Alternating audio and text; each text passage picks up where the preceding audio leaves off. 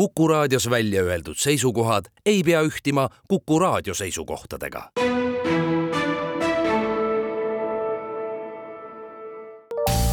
terviseks. saade valmib koostöös Ida-Tallinna Keskhaiglaga. vaata ka itk.ee tere, head Kuku kuulajad, eetris on saade Terviseks ja me räägime täna silmade tervisest ja ravist, aga sellestki, ähm, kuidas see kõik viimase kolmekümne aasta jooksul muutunud on.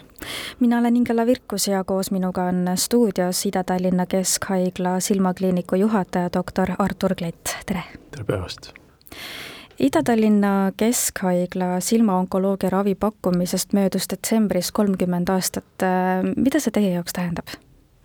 no siin peab ütlema seda, et kuni selle päevani, kui Eesti sai, Eesti sai iseseisvaks, me pidime kõik need haruldased haigused saatma ravile Moskvasse, see oli NSV Liidus nii. ja sellest päevast, kui Eesti sai iseseisvaks, see ei olnud enam võimalik ja me pidime kuidagi aitama meie kasvajatega patsiente, siis oli tookord loodud või otsustatud, kuna tegemist oli väga kalli ja väga spetsiifilise raviga, et teha see ravi üks keskus terve Balti äh, maade jaoks, see tähendab seda, et selle kolmekümne aasta jooksul enamus kasvajaga patsiendid Lätis, Leedus Eestis on ravi saanud just ühes keskuses. Ja rahaliselt ja kogemuste poolest kindlasti oli see väga hea otsus tol ajal. sama me tagantjärgi öelda nüüd kolmekümne aasta pärast kui palju siis päriselt selle ajaga muutunud on? Äh, kolmkümmend aastat tagasi või veel varem, kui inimesel oli silma sees pahaloomuline kasvaja, siis ainuke võimalus oli patsiendil silmast loobuda, loobumine. ja siis ühel hetkel, kui töötada välja spetsiaalne kiiritusravitehnika või meetod, siis pärast seda oli, on võimalik patsiendil säilitada mitte ainult silma kui organi, mis oleks ka iseenesest väga suur saavutus, kui kas või pimesilmaga ta ikkagi oma. ja kuna see kolmekümne aastaga kõik tehnoloogia on arenenud nii palju, et tänapäeval meie eesmärk on mitte ainult päästa inimesele silma kui organi, vaid ka päästa maksimaalselt tema nägemine. kui levinud äh, tänaseks on silmakasvajad ja ma ei tea, kas ma saan küsida ka nii, et kui palju selle diagnoosimine hulgaliselt on nüüd selle aja jooksul äh, muutunud, et ma kujutan ette, et et diagnostika areng on ka ikka selle kolmekümne aastaga nii palju paremaks muutunud, et äh, neid olukordi, kus siis silma on tekkinud kasvaja, et äh, neid avastatakse ka kuidagi oluliselt paremini ja selle tõttu ka rohkem? päris, päris nõnda ei saa öelda, me teame statistika, mis on igal pool Euroopas ja maailmas ühesugune, ühe miljoni inimese kohta, kui rääkida kõige pahaloomulisest kasvajast, mis silma seisma pole, mis on silma melanoom, silmasisene melanoom, siis neid on viis patsienti aastas ühe miljon inimese kohta, nii et Eestis see teeb välja umbes kuus-seitse patsienti aastas. aga siin peab mainima, et kõik silmaga seotud kasvajad suuresti on, kuuluvad niinimetatud harva esinevate haiguste hulka, nii et selles mõttes, et arvestades, kui väike Eesti populatsioon on, siis meil on kõik väike, nii et nende haruldaste haiguste arv on ka suhteliselt väga väike mida täpsemalt siis silmakasvajate all loetakse, et te mainisite melanoomi, aga kui näiteks silmanurgas on väike tsüst või mingi näsa, et kas see on ka juba kasvaja? Ja see, seda piiri on seal väga raske tõmmata, noh kasvajad laias laastus jagunevad nii pahaloomulisteks ja healoomulisteks, õnneks.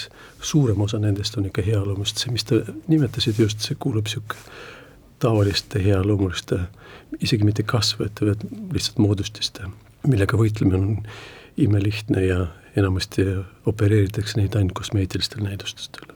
aga kasvajad võib silmapiirkonnas olla absoluutselt igal pool silma sees, silma peal, laugudel, silmalimaskestel, nii edasi, nii edasi, see number on väga suur, aga nad on väga-väga haruldased ikkagi. kellele silmakasvaja tekkeks suurem soodumus on, et kas on ka mingid sellised riskitegurid? et ja, kui on juba silmahaigus näiteks? silmahaigust mitte, mida me teame täna, enamus pahaloomulistest kasvajatest on eh, seotud inimese enda geneetikaga see on ka viimaste kümme aasta avastus. mis seda aga soodustab, on väga mitmed kriteeriumid, rääkides silma melanoomist, mida me nüüd viimased kolmkümmend aastat ravime, siis mida rohkem põhja poole, seda sagedam see haigus on. mida rohkem lõuna poole, seda harvem see esineb, näiteks mustal äh, rassidel peaaegu üldse ei ole seda kasvajat ja näiteks kõige suurem melanoomi, silmamelanoomi sagedus maailmas on Taanis ja Norras. Ja see puudutab kõige rohkem neid inimesi, kellel on hele nahk ja heledamad silmad no melanoomi seostatakse väga palju äh, liigse päevitamisega ja, ja on selline nagu ekslik arvamus ka, et kui päike paistab, ma ei tea, rohkem siia näiteks õlgade piirkonda, et kui see koht ära põleb, et siis ongi kohe suurem soodumus sinna ka see melanoom saada, et see on muidugi vale, et see võib tegelikult igale poole tekkida ja ma saan aru, et siis silma ka, et kuidas nii? Jah, päikese ultraviolettkiirgus äh, kuulub ka nende äh, riskifaktorite hulka. Võib-olla natuke vähem kui nahamelanoomi puhul, aga siiski ta mängib väga suurt rolli, aga mis me teame täna, ikka kõige suuremat rolli selle haiguse tekkes mängib ikka inimese geneetiline taust, mida ma varem ei teadnud nii väga hästi, aga tänapäeval üha rohkem on võimalik diagnoosida ka päris varakult juba. kuidas siis melanoom äh, silmas avaldub, et äh, kas tekib mingi laik kuhugi piirkonda täpsemalt või, või mis sellest märku annab?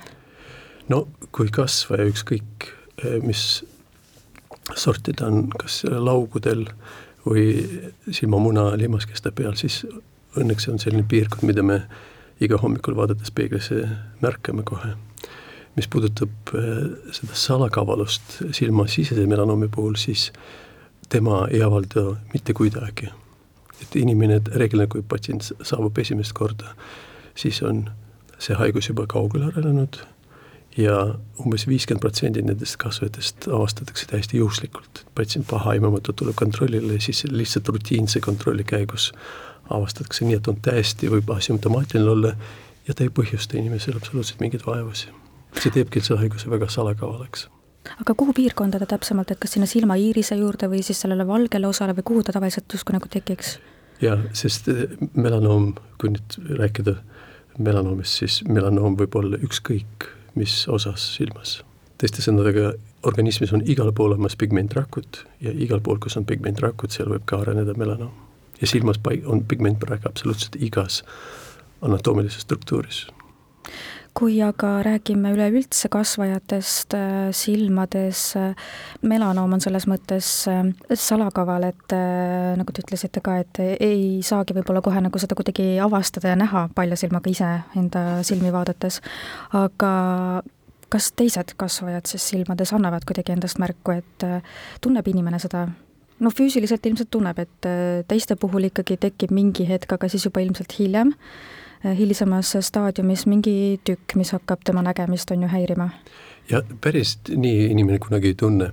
esimene märk, mis räägib sellest, et midagi on korrast ära, et kui inimene avastab juhuslikult, et nägemine on natuke häiritud, siis ta, hakatakse seda uurima ja siis avastatakse, et selle nägemise languse või muutuse põhjuseks on just kasvaja.